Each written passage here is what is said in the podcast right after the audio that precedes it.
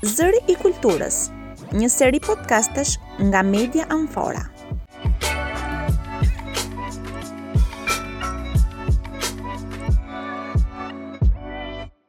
Përshëndetje dëgjues të Medias Amfora. Në këtë seri të podcasteve Zëri i Kulturës do të jemi me Dorina Xheraj Subashi, pedagoge në Departamentin e Turizmit në Universitetin Aleksandër Moisiu. Por sot do të diskutojmë mbi një nisëm që shkon përtej universitetit dhe që lidhet me trashëgiminë kulturore materiale. Muze Lab është themeluar nga Dorina në fillim të vitit 2021 dhe synon zhvillimin e aktivizimin e të rinjve dhe komunitetit me kulturën. Përshëndetje Dorina, faleminderit që jeni bërë pjesë e Amforës. Përshëndetje të gjithëve, faleminderit për ftesën. Ju uroj suksese në këtë nisëm. Faleminderit. Dorina, së pari duam të kuptojmë nëse Muze Lab përfaqëson një muze klasik apo synon të kthehet edhe në një laborator kreativ. Në fakt, ideja e Muze Lab këtë ka në në thelb të tij ndryshimin e, e mendësisë të, të të përfshirit jo vetëm um, individët me kulturën, por që t'i bëjë pikërisht individët protagonistë dhe aktorë uh, pjesëmarrës në në përfshirje me me kulturën. Kështu që uh, ideja e e Muze Lab uh, shkon në në në këtë kontekst pra të qenurit një mjedis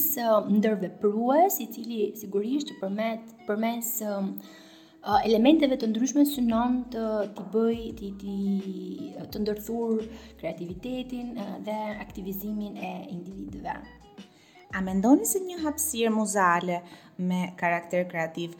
bëhet edhe një shkëndijë për gjeneruar ide te të rinjtë rreth artit, trashëgimisë kulturore, apo qoftë edhe ndërmarrjen e aksioneve komunitare nga ata vetë? Uh, është e vërtetë në fakt, ne kemi kuptuar që në, në fillimet tona, uh, megjithëse duhet thënë që nuk është e thjeshtë për të dalë në konkluzione, aq më tepër uh, në një kohë të shkurtër që uh, ne jemi themeluar. Por uh, uh, gjithsesi kemi kuptuar që uh, uh, Shoqëria, individët, komuniteti kanë nevojë për për elemente të tjera, kanë nevojë për ambiente të cilat uh, i bëjnë ata uh, të dalin nga nga koha uh, norm, nga rutina e tyre e përditshme, nga monotonia që shpeshherë uh, jetët e gjithsecilit rrethohen dhe uh, Me hapjen e Muze Lab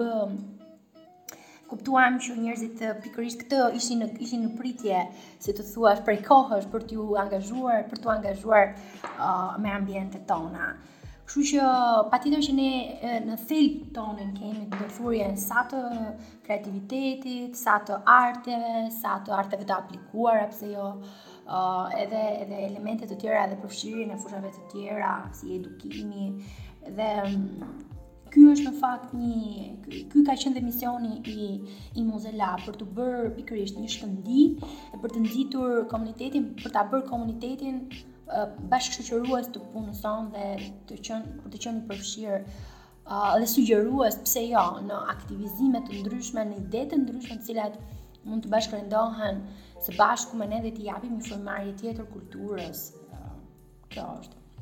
shumë interesante dhe Durrësi ka nevojë për ambiente të tilla, si të thuash le të themi ky është ambienti i parë si një qendër kreative për të rinjtë, që ka marrë emrin Muze Lab, Domethënë si një laborator muzeu çfarë çfarë nënkupton, çfarë përfaqëson. Në fakt ne përpara se të vendosim se cili do të ishte ë emri ose me çfarë do të përfaqësohej uh, ideja jonë, ë uh, Muze Lab në në është një akronim dhe është përfaqëson le të themi në terma uh, më të plotë përfaqëson një qendër për zhvillimin e muzeve, trashëgimisë dhe kulturës dhe pikërisht atë prapashtesën lab si një laborator ku të gjithë këto elemente të këtyre fushave, siç është uh, muzeologjia, trashëgimia dhe kulturore marrin jetë dhe formohen dhe formohen si të thuash në një alternativë tjetër, në një formë tjetër, në një mundësi tjetër ku pikërisht angazhimi i vetë qytetarëve bën atë që pra një laborator njerëzor ku le të themi pikërisht këto elemente të kulturës bashkërendohen me njëra-tjetrën. Dorina, cilat kanë qenë objektet më të spikatura që janë ekspozuar në Muze Lab dhe kanë sjellë edhe copëza për shembull nga e shkuara jonë? Uh, në fakt Muze Lab uh, ka një vitrinë brenda brenda ambienteve të tij dhe kjo vitrinë që ne kemi uh, uh, është e përbërë nga objekte nga më të ndryshme, objekte të cilat uh, marrin një kontekstualizim tjetër dhe marrin dhe një kuptim të ri brenda brenda vitrinës. Në të vërtetë, brenda objektet të cilat ne kemi aty janë të ndryshme. Sigurisht, unë nuk do të spik, domethënë, unë nuk do të spikasja një objekt vetëm, sepse në të vërtetë objektet të bashkërenduar me objektet e tjera marrin kuptime të ndryshme. Kështu që ne Jemi përpjekur që të organizojmë vitrinën tonë me një me një ide apo le të themi me fjalë kyçe të cilat nxisin të tjerët për një reflektim. Uh, dhe tematikat e ndryshme mund të jenë variojnë nga nostalgjia, memoria, uh, nga diversiteti kulturor, le të themi, um, të bashkuara apo të përfaqësuara këto të, apo të lidhura le të themi me objektet të vendosura në vitrinë marrin kuptime të ndryshme. Kështu që ne kemi disa veshje të të të etnografisë shqiptare, po kemi dhe objekte të cilat vijnë nga kultura të tjera dhe bashkë me to jemi përpjekur që të japim një narrativë këtij kuptimi që ne duam të nxisim tek individët pra të kuptojnë se si diversiteti kulturor është kaq pranë nesh dhe si mund ta si mund të diskutojmë rreth këtij. Ideja është që objektet të të bëhen protagoniste për të folur rreth rreth konteksteve të ndryshme dhe kjo e bën të ndryshme vitrinën e Muze Lab sepse nuk ka një histori, por janë larmishmëri historish njerëzore të cilat kur ndërthuren aty marrin kuptime të tjera, zhvillojnë tek individi që i qëndron përballë um, emocione, ose rikthime pas në nostalgji e kështu me radhë. Pra është një është një laborator mendimesh që i rrethon këto objekte dhe nuk ka vetëm një histori, mm. por janë histori të ndryshme. Po, dhe këto um, na çojnë në njohjen tonë të të shkuarës, pra muzetë le të themi uh, kanë dhe këtë lloj rëndësie që na ndihmojnë për njohjen e të kaluarës sonë dhe të historisë. Po pa diskutim, në thelb misioni i muzeve ai është pra që t'i bëjë të të të të nxisë shoqërinë, të reflektojë, të jetë protagoniste e e e përballjes me të shkuarën, pastaj format me të cilat një muze përpiqet që t'ua bëjë këtë këtë lexim të historisë apo këtë kuptim të historisë, sigurisht që kanë forma nga më të ndryshmet, sa mund të jenë interaktive, e mund të jenë në forma të tjera që muzetë mund të jenë standarde dhe nuk e kanë të vështirë që ta bëjnë këtë kalimin apo ta përfshijnë shoqërinë, por në thelb sigurisht që çdo objekt brenda um, këtë narrativ sjell pra përballime me të shkuarën apo dhe me të ardhmen, pse jo, përmes një objekti, edhe mund të flitet për çështje nga më të nga më të shumta nga nga rreziqet që shoqëria ka përmes shkatërrimit të të të, të, të trashëgimisë apo le të themi rreziqet që ndryshimet klimaterike ndikojnë tek kultura apo tek monumentet e kulturës apo dhe te vetë objektet. Pra, le të themi është një larmishmëri diskutimesh me të cilat lidhen. Kthehemi pak tek muzetë në Shqipëri. A mendoni se ata kanë kryesisht karakter ekspozues, duke mbetur pra vetëm në këtë stad pa vijuar me misionin për të nxitur reflektimin e shoqërisë? Kjo është një pyetje uh, sa e vështirë aq edhe e lehtë për t'u përgjigjur, por gjithsesi brenda saj le të themi që mm, ka një e nuk ka një përgjigje përfundimtare. Unë nuk do doja që të jepja një përgjigje përfundimtare se si janë sot muzetë në Shqipëri. Ka pasur përpjekje dhe ka përpjekje për të ndryshuar, për të në vitet e fundit për hir të së vërtetës duket dukshëm kjo përpjekje qoftë me krijimin e muzeve të rinj, qoftë me mënyrën e, e muzealizimit të objekteve të vendosura, qoftë me përpjekje sigurisht të stafeve të muzeve për të për të kthyer interesin, le të themi, e rikthimit të shoqërisë drejt ambienteve të kulturës, siç janë siç janë muzetë. Dhe Në këtë pikë unë do të thoja që sigurisht që ka hapa përpara që janë bërë. Por, nga ana tjetër, nuk mund të mos themi që ka muze të tjerë të cilët vuajnë ende um, problematika nga më të ndryshme, kanë nevojë për t'u rikrijuar, kanë nevojë për t'u riparë, le të themi, qoftë në elementet ekspozimi, qoftë në rishikimin e narrativës brenda tij, interpretimit, gjithashtu kanë nevojë për mbrojtje dhe konservim të objekteve brenda dhe kjo është një dualizëm le të themi midis uh, progresit që kanë disa muze dhe qëndrimit pas të të disa të tjerëve, pra nuk po shkon në mënyrë paralele e gjitha kjo. Sigurisht ka dhe nevojë Nevojat financiare janë ndoshta një ose vështirësitë financiare mund të jetë një ndër arsyet sepse jo të gjithë muzet shkojnë paralel me rishikimin, por që sigurisht ka nevojë patjetër. Të gjithë uh, turistët kanë nevojë uh, të shohin uh, të vizitojnë jo vetëm muzetë, por të arrijnë të kuptojnë përmes muzeve historinë. Pra, duhet të gjejnë mënyrat për ta bërë më të prekshme historinë dhe për të nxitur ndërveprimin e dhe kureshtin e turistëve për të kuptuar më shumë rreth historisë së Shqipërisë. Ju jeni edhe pedagoge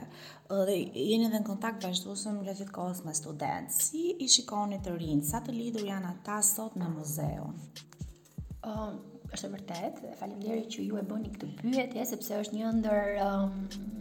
dilemat që unë shpesh herë ia bëj vetes dhe ia shtroj që um, ku duhet edhe sa na duhet, pra sa kohë uh, na duhet ne të cilët merremi, si me edukimin edhe nga ana tjetër dhe me studimet. Edhe um, duhet ta themi që ka nevojë shumë Që të rinjtë ka nevojë që të shtyhen apo të orientohen, le të themi, drejt, drejt kulturës dhe të përfshihen sigurisht drejt kulturës, jo vetëm për të gjallëruar këto institucione, pra ne nuk duhet të kemi vizitueshmëri të muzeve vetëm në sezonet turistike, Dhe jo vetëm nga turistët e huaj, por duhet që të ketë 365 ditë alternativa që vetë muzet duhet t'ua ofrojnë qytetarëve, duhet të arrijnë të shkojnë tek dhe tek brezat e rinj, të kapin interesin e tyre ose të prekin ato interesa që të rinjtë kanë përmes ekspozitave të ndryshme apo apo përmes tematikave të caktuara ku le të themi zgjohet ai interesi i të rinjve. Kështu që ka një ka një vështirësi, le të themi, nuk është i prekshëm nga të gjithë qytetarët. Ne përpiqemi në vazhdimësinë tonë që pikërisht të sjellim këtë këtë frymë apo t'ua t'ua t'ua bëjmë të kuptojnë që një individ i cili nuk është i, i kulturuar në thelb, atëherë nuk është dhe një individ i cili është po aq protagonist në në shoqëri, sepse në fund fundit ka mangësi ë um, edhe të të të, të njohurive të tjera. Muzet për këtë janë në fund fundit që t'u shtojnë e, e njohuritë e, të shoqërisë. Kështu që ka një ka një rrugë, ka një të përpjetë të madhe për t'u bërë, Por është është një është një punë është është një punë e vazhdueshme le të themi. Ju keni ekspozuar edhe objekte nga koleksionet personale. A vijon ende shoqëria jonë të ruajë me fanatizëm apo të koleksionojë objekte me një domethënie simbolike. Faleminderit për shtrimin e pyetjes dhe dalim në një tjetër temë në fakt që është pjesë po aq pjesë integruese e problematikave që edhe muzeet ndeshin në fakt. Um, Ne kemi e kemi nisur formimin e vitrinës së së Muze Lab duke e pasqyruar atë me objekte që vijnë nga individët. Dhe në fakt është pak e vështirë për të për t'i kërkuar apo për të nxitur individët të cilët koleksionojnë për hir të vërtetës, mm, që në fakt ne nuk duam që të kemi dhurime për hir të vërtetës sepse kemi menduar një ri ri rishikim të marrëdhënies që ne duam të kemi me me individët, me komunitetin, ne duam që të hapim një dritare tjetër duke krijuar një marrëdhënie huadhënieje me objektet. Dhe unë mendoj që kjo mund të jetë një përshtatshmëri dhe një besim po ashtu që duhet të jetë i dyanshëm i koleksionistëve që janë fanatikë dhe këtë duhet ta themi për koleksionet që disponojnë dhe po ashtu për uh, huadhënien e tyre në ambiente të tjera uh, kulturore, siç është Muze Lab. Dhe në fakt kemi kemi një marrëdhënie mjaft interesante, duhet ta themi me me koleksionistë të ndryshëm të cilët kanë qenë janë ofruar apo janë të gatshëm që kundrejt asaj sigurimit të objekteve të tyre në mënyrën më më fanatike, patjetër, sepse janë objekte që ata kanë koleksionuar prej kohësh, të mund t'i t'i t'i sjellin dhe të mund të krijojnë me to pra vazhdimësinë e, e ekspozitave të ndryshme dhe përmes tyre pastaj edhe temate, tematikave uh, të caktuara. Kështu që um, është është është një është një përpjekje e vazhdueshme e jona, por nga ana tjetër unë unë vë re në këtë përpjekje që ka mjaft individë të cilët kanë një marrëdhënie shumë të afërt me me koleksionimin dhe është gjë e mirë që është gjë e mirë që këta koleksionistë kanë koleksionuar objekte të cilat mund të kishin përfunduar të dëmtuar apo të shkatërruar nga ana tjetër dhe çfarë do të kishim pastaj për të për të diskutuar dhe për të njohur uh, nga nga historia apo periudha të ndryshme historike. Kështu që ne kemi vënë re që edhe në Durrës në fakt ka koleksionistë të ndryshëm dhe jemi në në në, në marrëdhënie mjaft pozitive me me ata koleksionistë kurdoherë që ne kemi uh, rishikim të vitrinës sonë. Domethënë ka njerëz që koleksionojnë. Ka njerëz, ka dhe të rinj të cilët uh, koleksionojnë, edhe ndonjëherë koleksionizmi është shumë i çuditshëm, sepse nuk është, uh, jo domosdoshmërisht janë objekte historike, po ndonjëherë njerëzit koleksionojnë, edhe ne, uh, madje madje tematika të ndryshme, ne kemi, kemi parë se si koleksionizmi uh, shkon prek gjeografinë, pra prek edhe edhe fusha të tjera për të kuptuar se si ai rrugëton përmes uh, uh, edhe fushave të tjera. Kështu që po, ka, ka dhe të rinj të cilët koleksionojnë. Dorina, deri më tani folëm për atë se çfarë përfaqëson Muze Lab, për ta bërë pak më konkrete dhe për dëgjuesit tanë. A mundemi që të vizitojmë bashkë ambientet kryesore të muzeut dhe të shpjegojmë përmbajtjen e tyre? Patjetër, mund të mund të mund të vizitojmë ambientet e Muze Lab dhe edhe të njohim përmbajtjen që ajo ka.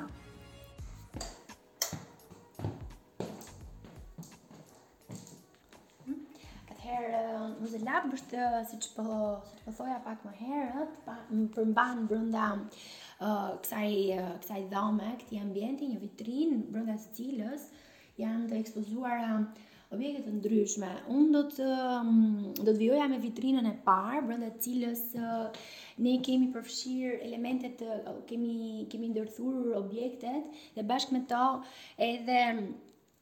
tematika të ndryshme. Për shembull, kemi kemi vendosur objekte dhe kemi futur, kemi kemi përfshirë fjalë kyçe si një reflektim mbi atë se çfarë është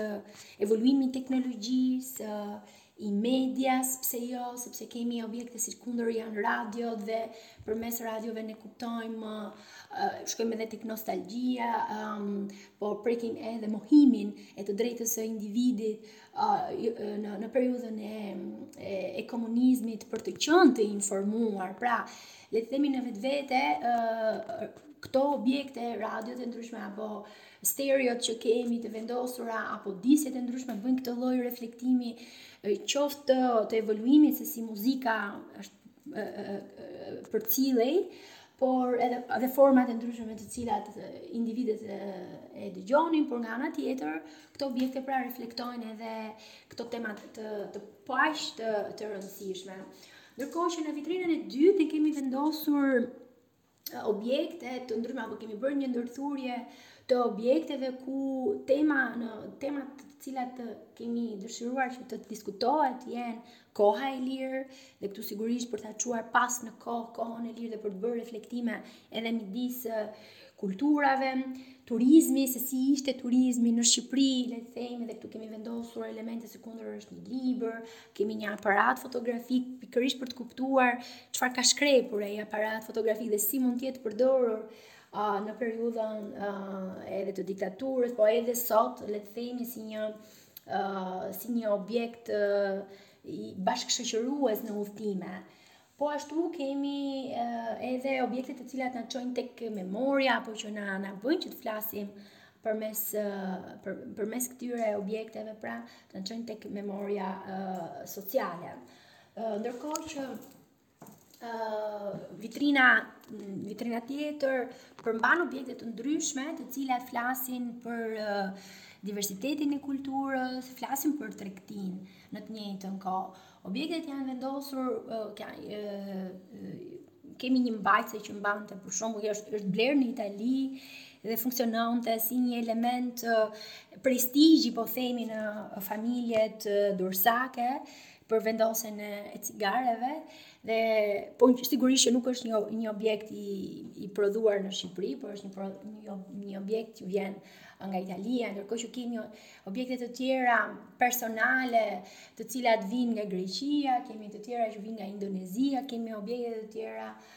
elemente veshjesh të cilat janë autoktone, janë tonat shqiptare. Dhe përmes këtij diskutimi pra asaj narrative të vendosjes këtu ne përpiqemi të kuptojmë uh, një temë po aq të rëndësishme sikundër është marrëdhënia me, me diversitetin uh, kulturor. Ndërkohë kemi një xhubletë të ekspozuar uh, pjesërisht në në vitrinë dhe pjesën tjetër në ambientet brenda, uh, në sirtare. Në fakt uh, edhe xhubleta është një ndër ikonat me të cilat në fakt uh, shoqëria shqiptare krenohet dhe uh, pa diskutim që edhe ne krenohemi që e kemi. Dhe në fakt përmes xhubletës, pastaj ne diskutojmë edhe për um, barazinë gjinore, për një temë po aq të rëndësishme sikundër është barazia gjinore dhe patriarkalizmi në fillim të shekullit uh, të 20. Uh, ndërkohë kemi një veshje tjetër, e cila e, në fakt është është përdorur në vitet 70 dhe këtu por këtu flasim pak për fashion, për modën, se si moda riciklohet, le të themi. Kështu që uh, objektet në në vetvete na çojnë sa në një periudhë në një tjetër, por nga ana tjetër, çka është më e rëndësishme për ne, nuk është uh, uh, objekti historik, por objekti i cili bën të flasë uh, përmes përmes tij dhe përmes uh, sjelljeve njerëzore, përmes mendësive që një shoqëri uh, ka pasur në një kohë. Ndërkohë, në fakt ideja e e MuzeLab është që vetë individët të bashk bashkëveprojnë, pra mund të hapin vetë sirtarët dhe kemi të vendosura objekte të ndryshme që janë përdorur në në në familjet shqiptare, kemi këtu kemi disa objekte të cilat vijnë uh, kemi disa këmbora edhe tingujt e këmborës në fakt uh, në ndryshon uh, njëra nga tjetra um, sigurisht edhe këtu për të për të diskutuar pak ose për të folur për uh, jetën, për peizazhin, uh, uh, peizazhin uh, kulturor në Alpet, në Alpet e Shqipërisë. Pastaj pjesë të tjera të objekteve janë të përdorura nga profesione të ndryshme, sikundër janë uh, dentistët. Kështu që le të themi që është një bashkëshoqërim i i objekteve të ndryshme. Uh, më tej kemi të ekspozuara disa uh, disa jelek uh, të përdorur në zonën e veriut, kryesisht të Shqipërisë, kryesisht të Mirditës, të Zadrimës, por në fakt, në fakt, këtu flasim edhe për mendësitë e shoqërisë, po ashtu flasim pak për estetikën e, e objekteve, flasim çka është më e rëndësishme edhe për industrinë krijuese. se si, le të themi, simbolika të caktuara marrin hov dhe krijohen në në industrinë krijuese dhe sa mundet që kjo industri sa munden le të themi objektet të bëhen shëmbëlltyrë për të rigjeneruar um, industrinë krijuese dhe si mund ta përdorim atë në në trashëgimi kulturore. Super, këtu është si një thesar, domethënë ka shumë thesare. po, është një, janë diskutime të cilat, uh, uh, janë objekte të cilat na nxisin diskutime të ndryshme, kështu që uh, patjetër që po, në fakt, uh, ndërkohë që kemi disa torba, uh, janë quajtur në fakt prej um, materialit të leshtë, dhe uh, po ashtu me, me, me të gjitha elementet etnografike, uh, shqiptare që sot gjerësisht në fakt janë kthyer edhe në prodhimet të të turizmit rikrijues. Dhe më tej kemi objekte të cilat vijnë nga zona e Zadrimës, Po i kanë sjellë vetë njerëzit. Uh, po, një pjesë, një pjesë e tyre po i kanë sjellë vetë një pjesë, i kemi të disponueshme nga koleksionet që janë janë të Muze Lab vetë. Uh, çka është e rëndësishme që ne diskutojmë për këto objekte zadrimore është pikërisht simbolikat kur ia kur ia bëjmë me dije um, turistëve të cilët vijnë, ne këtu flasim përmbi ateizmin, me një, për një dramë sociale të viteve rreth viteve 60 ku gjithë Shqipëria u rikthye si vendi i parë në botë ligjërisht me kushtetutë ateist. Dhe këtë ne përpiqemi ta sjellim përmes përmes veshjes dhe i bëjmë të reflektojmë individët se si në fakt simbolika e kryqit është e dukshme tek tek këto tek veshjet e Zadrimës. Kjo është një ndër ato jelekët e leshtë ku në fakt gratë zadrimore e kanë edhe të Matit edhe Mirditës në fakt me me qëllim i kanë prodhuar për të fshehur kryqin përmes përmes qëndistarisë që i kanë të vijuara në në këto veshje dhe po të vihet re në fakt Uh, ndoshta, ndoshta në sy të lirë, duhet një sy edhe kritik për ta parë që në fakt edhe ne këtu i nxisim që vetë personat të kuptojnë, të realizojnë, të kuptojnë dhe ku është kryqi. Në fakt kryqi duket në pjesë të ndryshme të, pra është një kryq i fshehur përmes qepjes artistike. Dhe në fakt ideja është që jo vetëm paraqitja e kryqit, por që të flasim uh, për uh, për çështje të tjera. Ndërkohë, pjesa e poshtme vijon me pjesën e mbetur të të, të setit të veshjes uh, me xhubletë. Ëm um, le të themi që këto janë disa prej objekteve që ne disponojmë, kemi dhe të tjera, por ende nuk i kemi uh, nuk i kemi hapur dhe duam që t'i hapim herë pas here të të kemi një diversitet të vazhdueshëm le të themi. A ka interes dhe nga turistë? Kemi pasur mjaft turistë të cilët kanë ardhur, sigurisht ne jemi jemi zyrtarisht themeluar në janar të vitit 2021 dhe për ne është kënaqësi që kemi arritur që vetë me forcat tona, sepse ne jemi me vetë me vetë financim deri më tani, Dhe kemi arritur që të bëjmë përpara, të çojmë përpara këtë lloj iniciative, kemi përfshirë komunitetin, kemi bërë ekspozita, kemi bërë um, le të themi aktivitete edukative, kemi thirrur koleksionistë, por kemi bërë tematika, kemi zhvilluar tematika nga më të ndryshme dhe kemi kuptuar që njerëzit e kanë janë totalisht të, të dashuruar, le të themi, pas kësaj iniciative dhe na kanë përkrahur gjatë gjithë kohës. Është mjaft interesante dhe unë kur kam ardhur këtu për herë të parë kam qenë e befasuar nga gjitha um, veprat që këtu që këtu janë uh, ekspozuar dhe është një punë goxha goxha e madhe dhe që ju bëni bashkë me edhe me komunitetin që angazhohet. Uh, Dorina për ta përmbyllur, keni ndonjë mesazh, ndonjë thirrje që i bëni gjithë dëgjuesve tanë tani? Në fakt, të thirrja ime do të ishte kjo që bashkëpunoni me ne, Muze Lab është i hapur për aktivizimin qytetar, për aktivizimin e të rinjve. Ne duam që të rinjtë të aktivizohen, të gjejnë tek Muze Lab një alternativë qoftë të kalimit të kohës së tyre të lirë, por cilësore, sepse e rëndësishme është që vërtet të kemi një kohë cilësore edhe kur kalojmë kohën e lirë me njëri tjetrin. Kështu që unë falenderoj këdo që na dëgjon që na mbështet gjatë gjithë kohës sepse ka mjaft të apasionuar, ka dhe mjaft mbështetës bashkëpunëtorët tanë gjithashtu bashkëthemeluesja ime, po ashtu e cila bashkërendojmë punën tonë. Kemi një grup fantastik bashkëpunëtorësh të brendshëm, por edhe të tjerë të jashtëm, të cilët janë në komuniteti që na që na mbështet me të gjitha nismat tona. Kështu që unë ju falenderoj gjithashtu edhe juve që më bëtë pjesë të zërit të kulturës, sepse ne duhet të japim zë kulturës dhe një zë të fuqishëm kulturës. Kështu që ju falenderoj. Faleminderit juve Dorina. Unë do ju ftoja të gjithë atyre që po na dëgjojnë që Muze Lab mund ta gjeni edhe në Facebook dhe në Instagram. Dhe në Instagram dhe kështu mund të shikoni edhe thirrjet e ardhshme dhe të bëheni pjesë e aktiviteteve dhe ekspozitave. Faleminderit Dorina. Faleminderit Media Amfora për mundësinë. Zëri i kulturës. Një seri podcastesh nga Media Amfora, realizuar me mbështetjen e projektit Media for All financuar nga Qeveria e Mbretërisë së Bashkuar. Na ndiqni në platformat amfora.al si edhe në SoundCloud, MixCloud, Google Podcast dhe YouTube.